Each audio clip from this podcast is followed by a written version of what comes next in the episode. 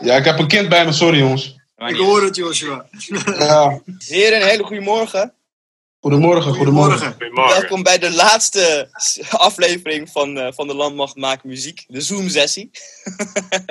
Dit is de eerste keer dat, jullie, eh, dat we elkaar zo ontmoeten. In aflevering 5 heb ik jullie gevraagd, nou, denken jullie dat het mogelijk is om, om, om de kleuren van de militaire, eh, eh, ja, van de Koninklijke Landmacht aan het nummer Liefde toe te voegen? Denk je dat we geslaagd zijn? Veel.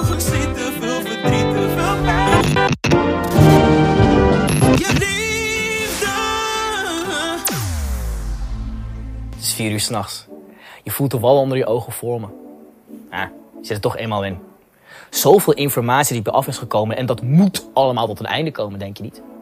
Zeven afleveringen lang hebben jij en ik rondgedwaald en vragen gesteld en ontdekt. Of je klikt nu random op deze video, dat kan ook. Maar desalniettemin, als jij vanaf aflevering 1 hebt mee zitten luisteren, dan heb je vast mee zitten kijken vanaf aflevering 4, dan ben ik ook hier om antwoord te geven op twee vragen die ons geteisterd hebben. En dat doe ik vandaag met twee corporalen en één Joshua Newton. We zijn in de Wisseloord Studios. Als jij aan een grote muziekstudio denkt, denk je vast aan een donker, mooi belichte kamer met enorme mengpanelen en opnameruimtes. Nou, ja, daar zijn we nu. In de Wisseloord Studios. Hilversum, zodat we alles kunnen beantwoorden.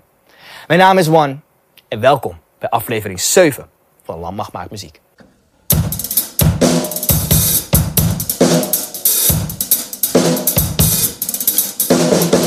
Nou, we hebben zeven afleveringen hebben wij getracht om achter te komen. Gaat het lukken om, eh, om liefde te combineren met militaire muziek?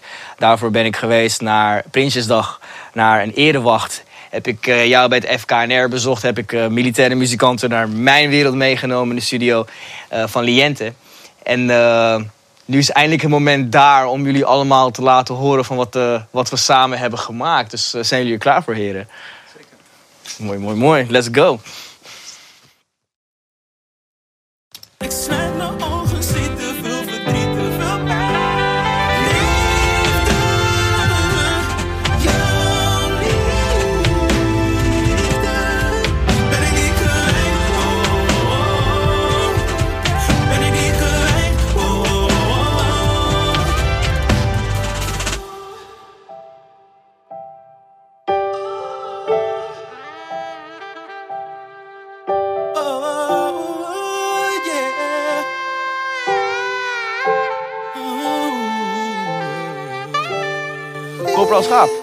Welkom. Kunt u vertellen wie u bent en wat je doet? Ja, zeker. Nou, ik ben de corporaal Schaap. Marvin is de voornaam. Ik ben eh tamboer, tamboer van de Tamboers Koninklijke Landmacht. Wij vallen onder eh, de fanfare Corps Nationale Reserve, waarvan de afkorting is FKNR.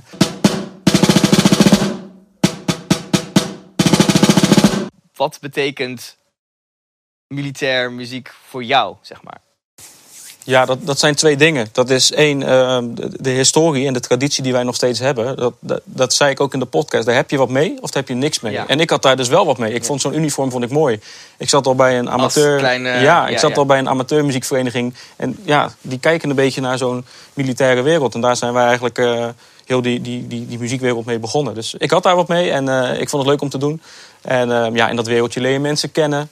Eh, en die sturen jou een bepaalde richting op. Van joh, er gaat een vacature aankomen. Of Ja. hey, het is mogelijk om op die leeftijd zus. Of Ja. via die weg kan je daar, daar terechtkomen.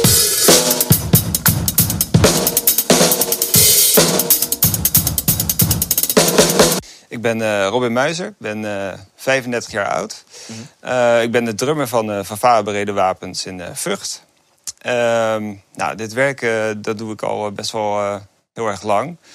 Eh, vanaf mijn zeventiende ben ik eh, in, eh, in dienst gekomen. Ik heb twee jaar ben ik tamboerchauffeur geweest in Den Haag bij de Koninklijke Militaire Kapel. Na reorganisatie ben ik in Vught eh, terechtgekomen bij, de, bij het Vervarenkorps Koninklijke Landmacht Bereden Wapens destijds. En eh, daar heb ik ja, mezelf ook kon- kunnen ontwikkelen als slagwerker. En bij één reorganisatie later, in 2012, eh, ben ik op de drumplek eh, terechtgekomen. En eh, die perfect aansloot op mijn eh conservatoriumstudie drums. En eh, dat is hetgeen wat ik nog steeds doe. Nice. Ja, En met die skills heb je natuurlijk ook liefde ingespeeld. zeker. Met alle liefde. nice. Voor deze podcast ben ik gaan onderzoeken wat militaire muzikanten nou precies doen. Nou, mijn initiële perceptie was militaire muzikanten spelen op Prinsjesdag en andere ceremonieën. Punt. Maar één stap in hun wereld. Ik heb één stap gezet en ik bleef maar ontdekken. Mij verbazen wat ik... En wat ik voornamelijk allemaal vond, is dat het muzikanten zijn. Liefde ben ik die kwijt. Oh, oh, oh, oh. Ben ik die kwijt. Oh, oh, oh, oh. Ja, wat, wat vond jij van hun spel? Ja, ik, eh, ik, eh, het heeft een hele andere dimensie gebracht, man. Eh, salut naar jullie, dus eh, ja, man. Nice. Eh, nou, het is heel iets anders als, eh, als hetgeen wat, eh, wat ik normaal hoor met mijn eh, spel. Normaal gesproken wordt echt mijn spel gewoon akoestisch, eh, eh, daadwerkelijk akoestisch, zeg maar dat is heel goed terug te horen. En eh, nu zijn er allerlei effecten en eh, compressies overheen gegaan. En dat is wel tof om ook een keer eh, te horen. En eh, het is ook voor het eerst dat ik in zo'n productie eh, speel. En, eh, vaak eh, meer pop gerelateerd of klassiek gerelateerd of eh fanfare gerelateerd, zoals ons werk. Ja. Ja. Dus dat was, eh, ja, ik vind eh, om daar op je vraag terug te komen, eh, tof om eh, te horen wat je ermee gedaan hebt. Ja, dit, dit is wel bijzonder inderdaad. Je hebt wel een bepaalde verwachting als je deze samenwerking aangaat. En eh, je weet dat dat dit level moet zijn. Eh, maar als je dan inderdaad, zoals Robin ook al zei, in, in deze omgeving staat, in deze studio... Ja, dan, dan wel echt petje af voor, voor de zang, voor de drums, voor andere muzikanten, voor jou, Charwan. Hoe, eh, ja, hoe dit eruit komt. Dit, is wel, eh, dit komt heel gelikt, eh, heel gelikt over. Joshua, meet saxofonist en sergeant eh, Tony de Roy. En eh trompetist sergeant eh, Simon Bruel. Ja. Goedemorgen. Hey, goedemorgen. Morgen. Leuk jou ook te zien, Joshua. We, hebben, je alleen, is, we hebben je alleen nog maar gehoord tot nu toe. Ja, klopt. En eh, ik moet zeggen, jullie hebben goed werk geleverd, man. Ja, jij ook. Ja, Thanks. jullie ook. Tof. Ja, top. Ik zeg, wie wij zien elkaar nog een keer live. Ja, wel. Ik, ik vertrouw daarop. Ongetwijfeld. Ja, precies. Want, dat, eh, want Ja. we hebben een toch goed nummer gemaakt daarvoor. Nou, los van de puntjes die op de i gezet moeten worden. Wat vinden jullie zelf van het, van het eindresultaat? Eh, want we hebben apart onze stuk allemaal opgenomen. Eh, het is begonnen bij het origineel van Joshua Newton. En dan hebben we in aflevering 5 heb ik jullie gevraagd. Nou, denken jullie dat het mogelijk is om, om, om de kleuren van de militaire, eh, eh, ja, van de koninklijke landmacht aan het nummer Liefde toe te voegen? Denk je dat we geslaagd zijn? Of hoe vonden jullie het proces gaan? Ja, ik, eh, ik denk wel dat we geslaagd zijn. Ik vind het eh, eh, heel leuk om terug te horen gisteren. Ehm, ik heb de, de eerste keer dat ik jouw nummer hoorde, Joshua, in de studio. vertelde ik Sharon ook dat ik moest wennen aan de muziekstijl. Het is heel anders dan wat ik normaal luister. Ja, En, Ja. ehm, maar ik had al wel meteen ideeën van. eh, eh, ehm, wat kunnen wij van onze wereld erin stoppen? Ik hoorde een signaaltje eh, of een, een drumroffeltje of zo, zeg maar, om het iets, eh, een soort militair. ehm, ja, Ja. een beetje dat ceremoniële wa- wat er, wat Ja. er nog in kon, zeg maar. En eh, Ja. ik heb gisteren die, eh, die eindmix eh, gehoord en dat zit er allemaal in. En dat, hebben, dat is gewoon ehm, stukje bij beetje is dat ontstaan. eh, mede door eh, de ideeën van Tony. Ja. Ik heb het verder alleen maar ingespeeld. Maar ik vond het echt heel leuk om terug te horen. Dus dat, ehm, leuk project. Geslaagd. Voor deze serie ben ik benaderd met twee vragen. Wil jij militaire muziek ervaren vanuit jouw perspectief? En mijn perspectief is van een producer, zowel muzikaal als vocaal. Maar ik bekijk muziek ook door de ogen van een schrijver, engineer en artiest. Toen ik met aflevering 1 begon, wist ik helemaal niks van militaire muziek. Ik wist dat het er was en dat een klein beetje een vaag idee hoe ik vraag nummer 2 zou beantwoorden. En die luidt: Is het mogelijk om militaire muziek te combineren met jouw muziek? En of dat is gelukt. Is dit wat? Ik heb nog zoveel vragen. Als je mijn gevoel kon zien, begreep je mij wat vaker. Ik sluit mijn ogen, te veel verdriet, te veel pijn. Joshua, welkom terug. Sharon. We zijn nu in een, eh, een, andere, in een andere setting. Ja, man. Mooie, mooie setting. Een hele mooie setting. Ja, je bent er ook eerder geweest, heb ik begrepen. Ja, ja, ja. Met, eh met deelname aan The Voice toen nog. The Voice. Ja, want daar wil ik, even, daar wil ik meteen even op, op, op inhaken. We hebben vorige aflevering hebben wij gesproken over wat hoe storytelling zeg maar, onze creativiteit beïnvloedt. Maar eh, voor de mensen die, jij nu, die jou nu zien, je hebt al een klein beetje een tipje van de sluier gegeven. Denken van, hmm, waar, waar ken ik hem van? Wie is Joshua Newton? Waarvan moeten we jou kennen? En wat heb je allemaal in het verleden gedaan? Wie is Joshua Newton? Dat is zo'n eh, zo'n simpele vraag voor zoiets wat groots is eigenlijk. Wie, wie ben je? Ja, ik ben Joshua Newton. ehm, geboren op Aruba. Met mijn achtste naar Nederland gekomen. En eh, ja, muziek is eh, altijd in mijn levenspad geweest. Mijn vader is muzikant. Ehm, en dat is eh, met, me, met de jaren mee is het zeg maar gegroeid. Ja, ik was begonnen met providers, man. Het was eh, heel, heel, heel grappig. Vanaf mijn 17 of zo deden we dat. Echt eh, twee jaar lang intensief, zeg maar. Hadden we een beetje lokale nummertjes en Buzz. zo. Optreden en je weet toch. Maar niet niks, niks major. Maar het was wel de, de babystapjes. En toen eh, kreeg ik ooit, op- volgens mij op mijn 20ste, 21ste, kreeg ik een brief binnen van SBS. Dat ik mee moest doen. En, eh, dat, dat, dat, nee, dat ik Je moest uitgenodigd Ja, voor voor een. eh, Ik dacht, nou, ik zeg, ik zeg ik, wat is dit? En toen eh, bleek het dus mijn moeder te zijn geweest. Ja, man. Joshua Newton.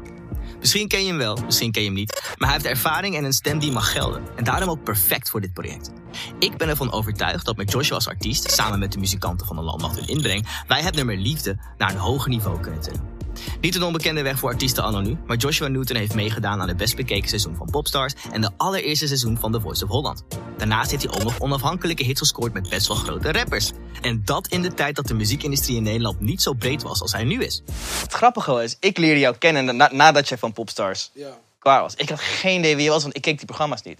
Ik kwam in de studio, waar jij toen in de tijd eh, aan het opnemen was. En we hadden zoiets van, oké, wie, zijn- wie, wie, wie, wie zijn deze mensen en wie ben jij? Maar ik merkte pas echt jaren later van, wacht eens even, ja... Want als ik op straat liep, ik- op een gegeven moment moest je altijd, bleef je altijd achter en ging met mensen praten. Ik dacht, oh, jij kent die mensen. Maar het zijn fans die gewoon elke keer Ja, ja, de- ja, ja, kijk. Hoe ver ging dat met fans voor jou? Ja, aan mijn deur. eh, dingen krijgen. Random aan je deur? Ja, ja, ja, ja, ja. En vooral in die periode dat het nog gaande was. Op tv, dus dat, dat die happening was. eh, ja, eh, van handtekeningen na de show. Ik, ik, bleef, ik was echt zo'n persoon, ik bleef tot de, tot de laatste persoon. Ja. Omdat ik het altijd sneu vond, ja. Ik denk, die mensen komen helemaal uit hun huis om naar jou te kijken. Dus het laatste, het kleine beetje wat jij kan doen is op lobby. zijn minst, ja toch? Het is liefde voor je fans. man. Ja man. Maar hij is niet daarmee opgehouden, want jij bent daar naar de Voice gegaan ook. Ja, twee jaar later of zo. Ja, twee jaar later. Ja. Klopt. Samen met eh, toen mijn compagnon Davy. perfect, maar dromen zijn tastbaar. Alles is haalbaar. Ik weet wat ik kan. Er doorheen zat, jij was het licht. Als ik even niet meer kon zien. Wat heb je er allemaal uitgehaald? Want dan heb, dan, als je dan alles achter elkaar zet... In drie jaar tijd heb je Popstars gedaan, The Voice... heb je een hit gehad op, op, op, op Phonics. Dus jij bent wel in de kijker van, van het publiek. Heb je er optredens uitgehaald? Heb je jezelf daar... Ja, veel, veel, veel optredens. En maar tegelijkertijd was dat ook een beetje misschien de downfall. Omdat ik natuurlijk alles vrijwel zelf deed.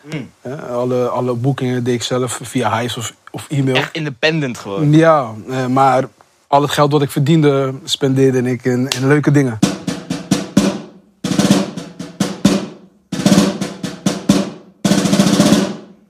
En ik moet weer refereren naar die podcast. Daar heb je weer wat mee, of niet. Ja, en als je daar wat mee hebt, dan ga je daar steeds meer naar, naar luisteren. Ga je er naar kijken, ga je dingen opzoeken. ga je kijken. Je bent gewoon echt geïnteresseerd in. Ja, absoluut. Meer dan. En, en ja, uiteindelijk is er een soort pad voor je, voor je uitgestippeld. En die hoef je alleen maar zelf te bewandelen om, om, ja, om daar Maar te komen wou jij als kind ook gewoon militair muzikant zijn? Ik heb vanaf mijn achter gezegd, ik wil tamboerchauffeur worden bij de Koninklijke Landmacht. Tuurlijk. En je droom is gewoon uitgekomen. Ja. Er is iets magisch met de militaire muzikantenwereld. Zij zijn, hoe ik het zie, ja, undercover supersterren.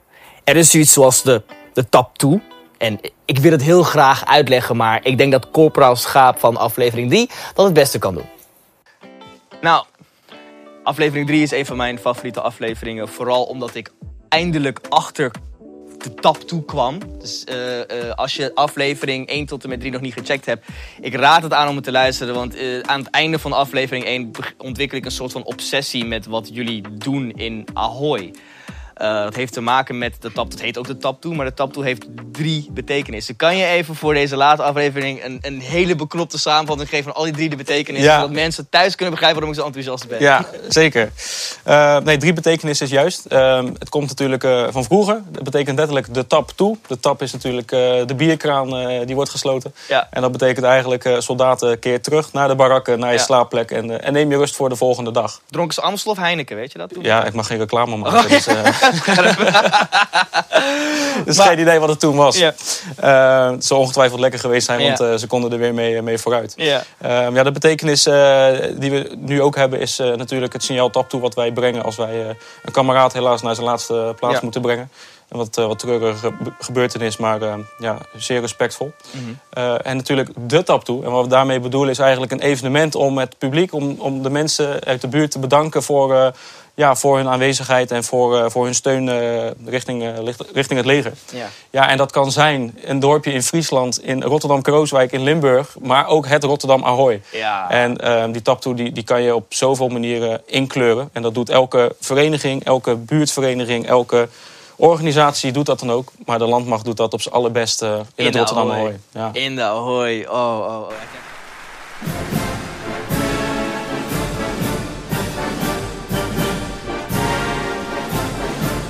Ik heb je al twintig keer uitgelegd. Eh, weet je, ik droom ervan om eens voor zulke publieken te gaan, te gaan spelen natuurlijk. En dat feit dat ik dan achterkwam van... Wacht even, wat, wat, wat doen jullie in Ahoy? Speel, speel je uitverkocht? Want ook zes, zes van de zeven dagen, volgens mij... ook een- Voorheen, voorheen Ja. was dat zeker, een aantal jaar terug. En ehm, ja, helaas is dat natuurlijk wat minder geworden. En eh, we willen ook wat meer op dat jongere publiek gaan inspelen. Mhm. Ja, en iets zoals deze podcast, die gaat er natuurlijk wel eh, ontzettend mee helpen. Ja, en wat zie je daar? Er komen gewoon ontzettend veel militaire eh, eh, orkesten. Er komen burgerverenigingen. Er komen Ja. orkesten uit het buitenland naar ons toe. Er zijn cabaretiers, turners, dansers, zangeressen, zangers. één groot event. Eén media entertainment event. Voor iedereen. Niet alleen voor oud, maar echt voor, eh, voor jong en oud. Dus bij de volgende tap toe, raad aan om langs te komen. Herinner je het begin van deze episode nog? Er waren twee vragen. En één daarvan luidde: welke industrie werkt er beter? In aflevering 2 zag ik tijdens mijn ervaring van de erewacht een enorme bus. In aflevering 2, toen ik aankwam bij, eh, ter voorbereiding bij de erewacht in de kazerne van Den Haag, kwam ik, zag ik, nadat ik buiten stapte, een enorme vrachtwagen. Ik wist niet wat die vrachtwagen deed. Op een gegeven moment zag ik al die muzikanten hun instrumenten eruit halen. Dat is een heel normaal iets. Dat is echt gewoon de roadie voor, voor de muzikanten, zeg maar. Maar jij bestuurt die vrachtwagen. Ja, klopt. Ja, de wat eh, zwaardere instrumenten die, eh, die worden vaak vervoerd door, eh, ja, door het orkest. En dat zijn vaak, bijvoorbeeld als we een buitenoptreden hebben, zijn dat sousafoons en slagwerk. Eh marsenboekjes, wat, wat altijd collectief gedaan Ja. wordt. Omdat anders komen we voor verrassingen te staan. Ja. Dat is niet de bedoeling. En klein instrumentarium wordt gewoon door de mensen zelf meegenomen. Ja. Ja. Maar wordt het allemaal geregistreerd en dat je dan wordt gecategoriseerd dat je weet van oké, mijn instrument staat daar rechts in de, in de... Ja, klopt. Dat weet iedereen van zichzelf. En iedereen eh, moet gewoon zijn eigen kist eh, netjes zijn instrument eruit en erin eh, doen. Luxe man. Ja, dat is zeker ik, luxe. sleep, ik sleep alles nog mee in mijn Ford Fiesta. Later vertelde Corporaal Grisel van aflevering 2 dat ze ook optredens doen in het buitenland. En toen viel het kwartje. Als we het hebben over de militaire muziekindustrie versus de moderne muziekindustrie, hebben wij een aantal conclusies die we kunnen trekken. Nou, ik kan een hele lange lijst maken tussen de overeenkomsten en verschillen, maar die heb ik al eindeloos herhaald in de voorgaande afleveringen, dus dat zal ik je niet aandoen. Het grootste onderscheid zit hem in het feit dat de koninklijke landmacht een rijksoverheidinstelling is. En de moderne muziekindustrie is een commerciële industrie. Dus de belangen liggen anders. Voorbeelden van een commercieel belang zijn geld en status. En we hebben allemaal verhalen gehoord over wat geld en status kan doen binnen de muziekindustrie. Hoi. Ik ben even aan het werk. Even aan het werk. Hoi! Hoi. Hoi. Ehm, heb ik het mis als ik zeg ehm, dat de koninklijke landmacht ehm, organisatorisch heel goed in elkaar zit? Dat jullie, als jullie moeten spelen, weten jullie waar jullie moeten zijn. De schema's zijn er. De, de, de, de, de la- de landmacht die, die, die, die, is, die zit zo strak in elkaar en die zorgen ervoor dat jullie ook stipt komen te staan waar jullie moeten zijn. Ehm, is, is dat iets wat in jullie voordeel werkt? Heb ik het mis of zit, zit ik ernaast? Nou, ik vind het persoonlijk eh, heel erg fijn. Dat past ook bij mij. Eh, ik wil graag weten waar ik aan toe ben eh, qua werk. Eh, ja, wij weten altijd precies waar we toe zijn. Wel- Welk pak je aan moet, hoe laat je waar moet zijn, wat je moet spelen. Eh, dus daar kan je ook ergens naartoe werken. Ook als wij in, een cd-opname hebben of zo, weet je precies van, nou, dan en dan moet ik eh, die stukken eh, top eh, kunnen spelen. Dus eh, ja, dat, eh, ik vind dat heel fijn. Ben je daarmee eens, Tony? Ja, ik kan, eh, ik kan helemaal aansluiten. Wij rijden vaak samen. En ik zet mijn ogen zitten, veel verdriet, te veel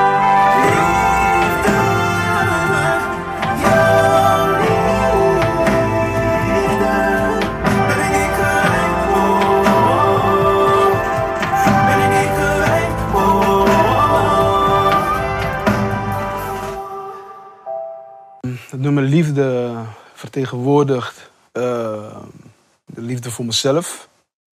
Eh, en wat ik graag zou willen zien op aarde, weet je. Gewoon dat we met z'n allen wat meer verenigd eh, zullen zijn. En dat we deze tijd waar we nu in zitten juist gebruiken om juist weer meer bij elkaar te komen. En, en, en, en juist één te zijn. Eh, eh, letterlijk alles omtrent dit, dit nummer ver- verbindt. En als ik naar mezelf mag kijken, als, als, als ik kijk naar hoe alles verbonden is. Ik bedoel, ik ben gevraagd voor dit project. Ik kan jou hierin eh, meenemen. En het leukste voorbeeld is in aflevering 1. Ik weet niet of jij artiest Kai van der Voort nog kan herinneren. Dat ja, was, volgens mij hadden we, hadden we een keer een nummer Ja. aan, aan hem gepitcht, toch? Ja, ja, een nummer van jou. Dat was acht jaar, acht, zes jaar terug of zo hadden we een nummer geschreven. Ja. Daar had jij nog zelfs voor betaald. Ja. En toen had het nummer helemaal afgemaakt. En allemaal tevreden. En uiteindelijk zei je van, ha, dit, is, dit is toch niet wat ik wil. Toen heb ik gezegd, is goed. Dan hou je dat wat je betaald hebt, hou je toch goed van me. En dan kijken we wat het nummer gaan doen. Nou, daarna werd ik getekend bij, bij Warner Chapel. En toen, eh, toen had ik gewoon het nummer opgestuurd. En binnen een week krijg ik een reactie van, eh, van, van de management van Kai van der Voort.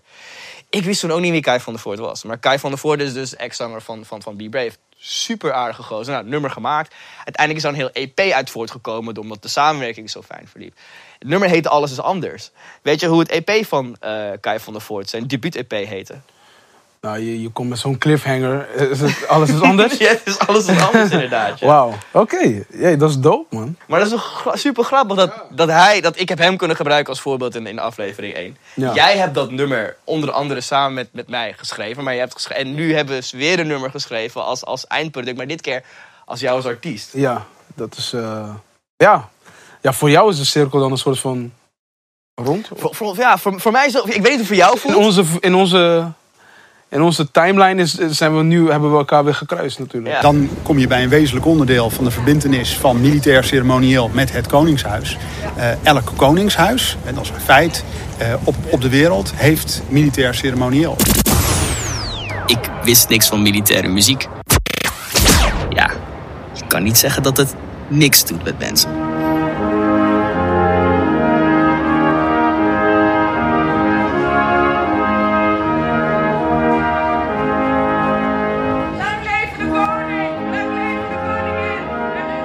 Lang leven in aflevering 1 ben ik zo groen aan het onderwerp militaire muziek begonnen dat ik me overal aan verbaasde. Hoe mensen reageren op militaire muziek, hoe ze spelen, de discipline, de drive en het feit dat de neuzen in dezelfde richting staan. De kapellen van de landmacht representeren de koninklijke landmacht en dat stralen ze uit. Dat doen ze met hun talent en elke keer als ze staan te spelen, zullen er altijd wel mensen stoppen en staren, want muziek verbindt. Of nou een groep vrienden is die thuis keihard bloed, zweet en tranen meezingen van André Hazes, een Joshua Newton die een nummer maakt, of een militair muzikant die op Prinsjesdag langs marcheert en speelt in jouw straat. Het is herkenbaar voor iedereen.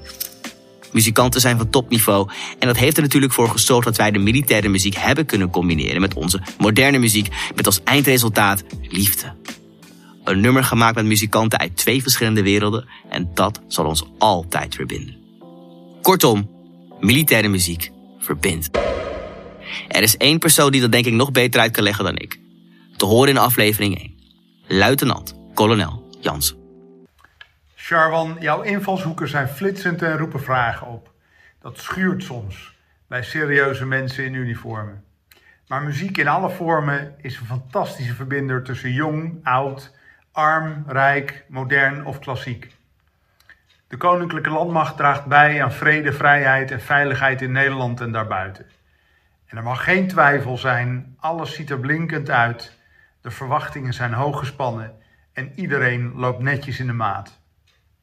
Voor de muziek van de landmacht vertaal ik dat als glorieus op het slagveld en vertrouwen in de straat. Dit is het moment waar je je laptop dichtklapt. Waar je je tv uitdoet of waar je toch in je telefoon blijft scrollen naar nieuwe content. Hoe dan ook, dit is het einde van mijn zoektocht. Het einde van de rabbit hole en het einde van mijn ontdekkingsreis door militaire muziek.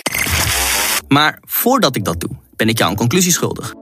Zoals ik dat in het begin al zei, zeven afleveringen lang hebben wij getracht om erachter te komen of wij militaire muziek hebben kunnen combineren met moderne muziek. Ik denk dat alle muzikanten in dit project het wel met elkaar eens zijn dat dit is gelukt, maar jouw mening is het belangrijkst. Wat vind jij van liefde? Van Joshua Newton en de Koninklijke Landmacht? Laat het ons weten in de comments op onze social media's op YouTube. Nou, voor de vraag welke industrie werkt er beter? Militaire muziek of de moderne muziekindustrie, moet ik je meenemen naar de rabbit hole van mijn gedachten. Ik heb hier heel lang over nagedacht en wil alles wat ik zeg zo goed mogelijk onderbouwen vanuit mijn perspectief en mijn belevingswereld. Nou, we hebben zojuist gehoord dat we kunnen stellen dat militaire muziek verbindt. De militairen verbinden vanuit hun opdracht, spelen op koninklijke ceremonieën en buiten de ceremonieën mogen zij creatief zijn binnen hun opdracht. Ze geven ook terug aan het publiek in de vorm van een tattoo, waarvan een van de grootste voorbeelden zich in Rotterdam Ahoy bevindt. Een andere overeenkomst is de level playing field als het op bereik aankomt. Een militaire muzikant wil net zo groot publiek bereiken als een commerciële muzikant dat wil. Dit was in het begin van de dag. En dat begint al bij het visuele aspect inderdaad. Er zit er allemaal hetzelfde bij. We corrigeren elkaar als er een knoopje niet goed zit. Zit je rits niet goed of hou je je niet helemaal aan de, aan de afspraken die we hebben gemaakt. begin. Je hebt natuurlijk ons uniform moet, moet wel correct zijn. Ja. Zoals je kunt horen in deze fragmenten van aflevering 2 en 3, kun je stellen dat bij de Koninklijke Landmacht uniformiteit enorm heerst. De militaire muzikanten hebben dezelfde normen, dezelfde waarden, dezelfde disciplines en als kapel zijn ze ook uniform in het zijn van een fanfareorkest. Maar het allerbelangrijkste is dat ze allemaal respect tonen, begrip tonen en leven naar deze disciplines. En waarom dit zo belangrijk is, daar kom ik zo meteen op terug. Remember the first time I saw you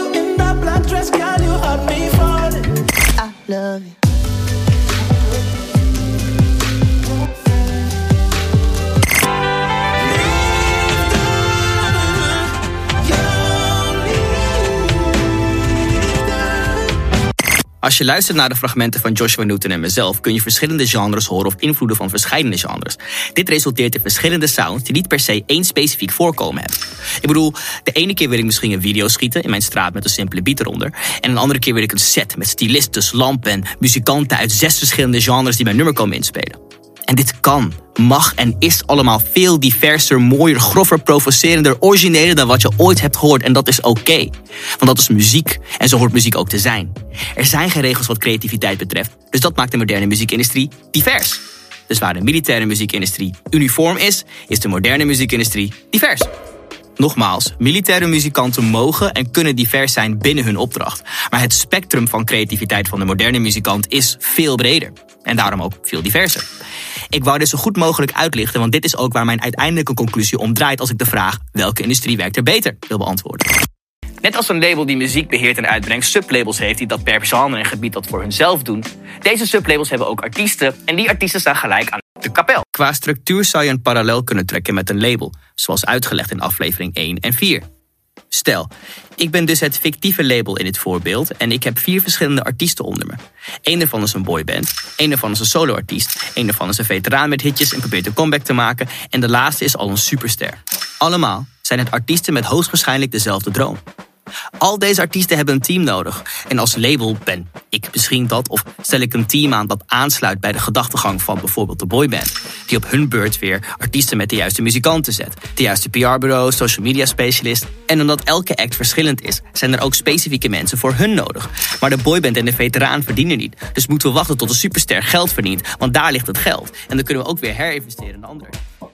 Diversiteit kan chaos zijn, zoals je hoort. Dan komen we terug bij uniformiteit. Zoals sergeant Simon Brul al aangaf, ze weten wat ze moeten doen, ze weten waar ze moeten zijn. De instrumenten worden netjes geleverd zoals corporaal Muizen dat aangeeft. Ze weten wat ze moeten spelen, dat ze het goed moeten spelen en ze volbrengen hun taak. Al deze factoren, daar zit een organisatie achter, een team. Mensen die schema's maken, die de muzikanten en instrumenten verzorgen. Er zit iemand achter die het regelt. En omdat iedereen weet wat de missie is, werkt het als een geoliede machine. Ze weten wat ze moeten doen, hoe laat ze het moeten doen, hoe laat ze moeten leveren, gaan naar huis en de volgende dag doen ze het opnieuw. een geoliede machine. Organisatie is een kunst. Verscheidene organisaties samen laten werken is nog een grotere kunst. Want als je nummers wilt maken voor jouw boyband, moet je, als je zelf niet kan produceren, het doen met beats van het internet. Of je moet een eigen producer vinden of inhuren. Als de producer niet kan schrijven, moet je er ook nog een songwriter bij huren. Als de producer niet kan mixen, moet je ook nog een engineer vragen of inhuren. En die hebben allemaal hun zegje en heb je ook nog een master engineer. Nou ja, je snapt het wel. Dat klinkt en is logistiek vaak heel veel werk. En dat is alleen nog het bouwen van een song.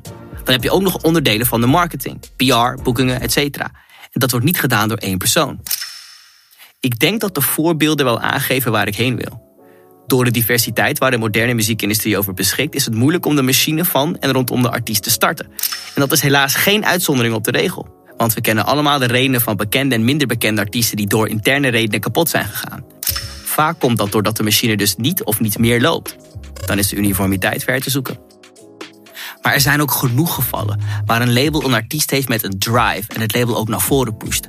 Waar een label een vuur onder een artiest houdt waardoor hij keihard kan gaan. Waar een independent artiest zijn geld verdient want hij of zij consistent bezig is gebleven. En daar komen acts uit waar iedereen, van thuis tot in de kroeg, van in de klas tot in de tussenuren en van in de pauzes tot ja, op jouw favoriete radiozender op werk over gesproken wordt. De aandacht houdt niet op, de volgers stijgen en de artiestsong is een hit. En dat is waar het om draait. Dat is wat je wilt bereiken. Want al die mensen in de kroeg, klas, op werk, van elke laag in de samenleving is op dat moment verbonden door één ding: jouw muziek. En dat is de absolute kracht van deze diversiteit. In de hip-hop hebben we daar een naam voor: game. Snap je de game? Dat is de wereld van jou. Dus om samen te vatten. Nou, vanwege de militaire discipline, structuur en het begrip die ik voor de structuur heb, moet ik zeggen dat militaire muziek beter werkt dan de commerciële industrie. Dus om antwoord op de vraag te geven welke industrie werkt er beter, de militaire industrie of de moderne industrie, zeg ik de militaire industrie. Dus door hun discipline. Maar de creatieve mogelijkheden binnen de commerciële industrie zijn zoveel breder en eindeloos groter, waardoor het toch wel in balans blijft of zo. Ik bedoel, kijk maar naar mij. Ik heb voldoende streams en dingen gedaan om over naar huis te schrijven, maar wie ben ik in het publiekelijk oog? One.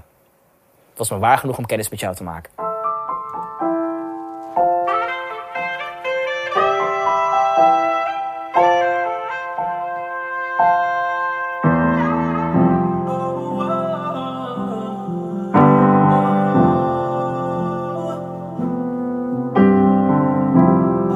Het begint als kind.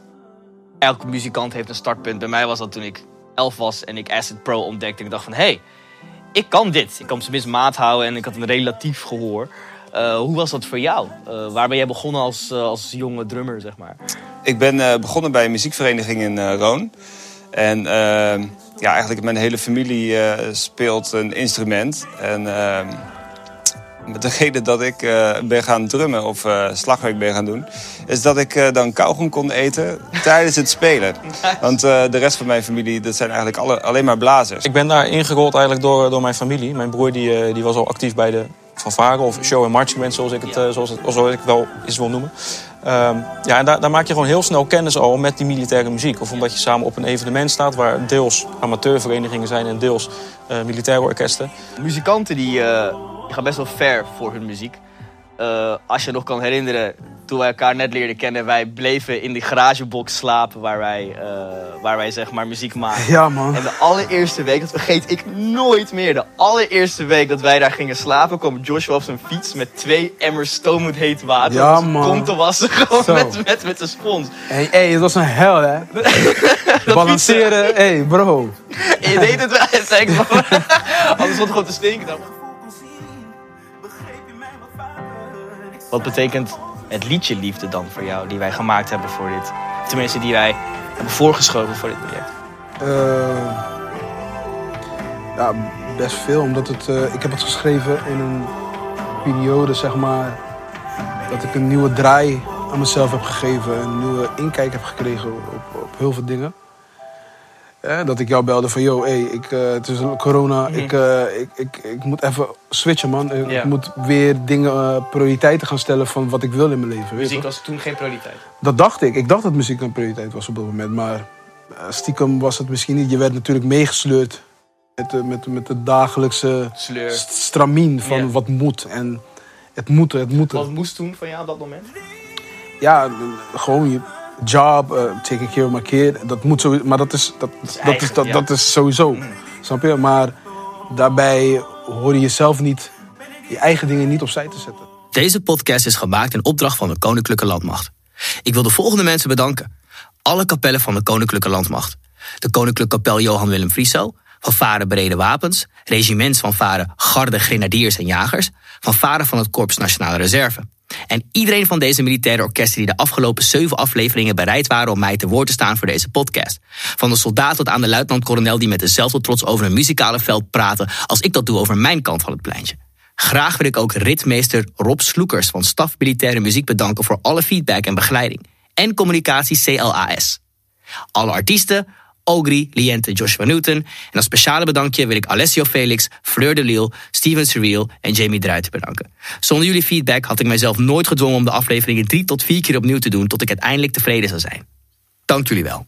Dit was de laatste aflevering van de Landmacht Maakt Muziek. Dat zou ik zeggen als ik nog niet één ding voor je had.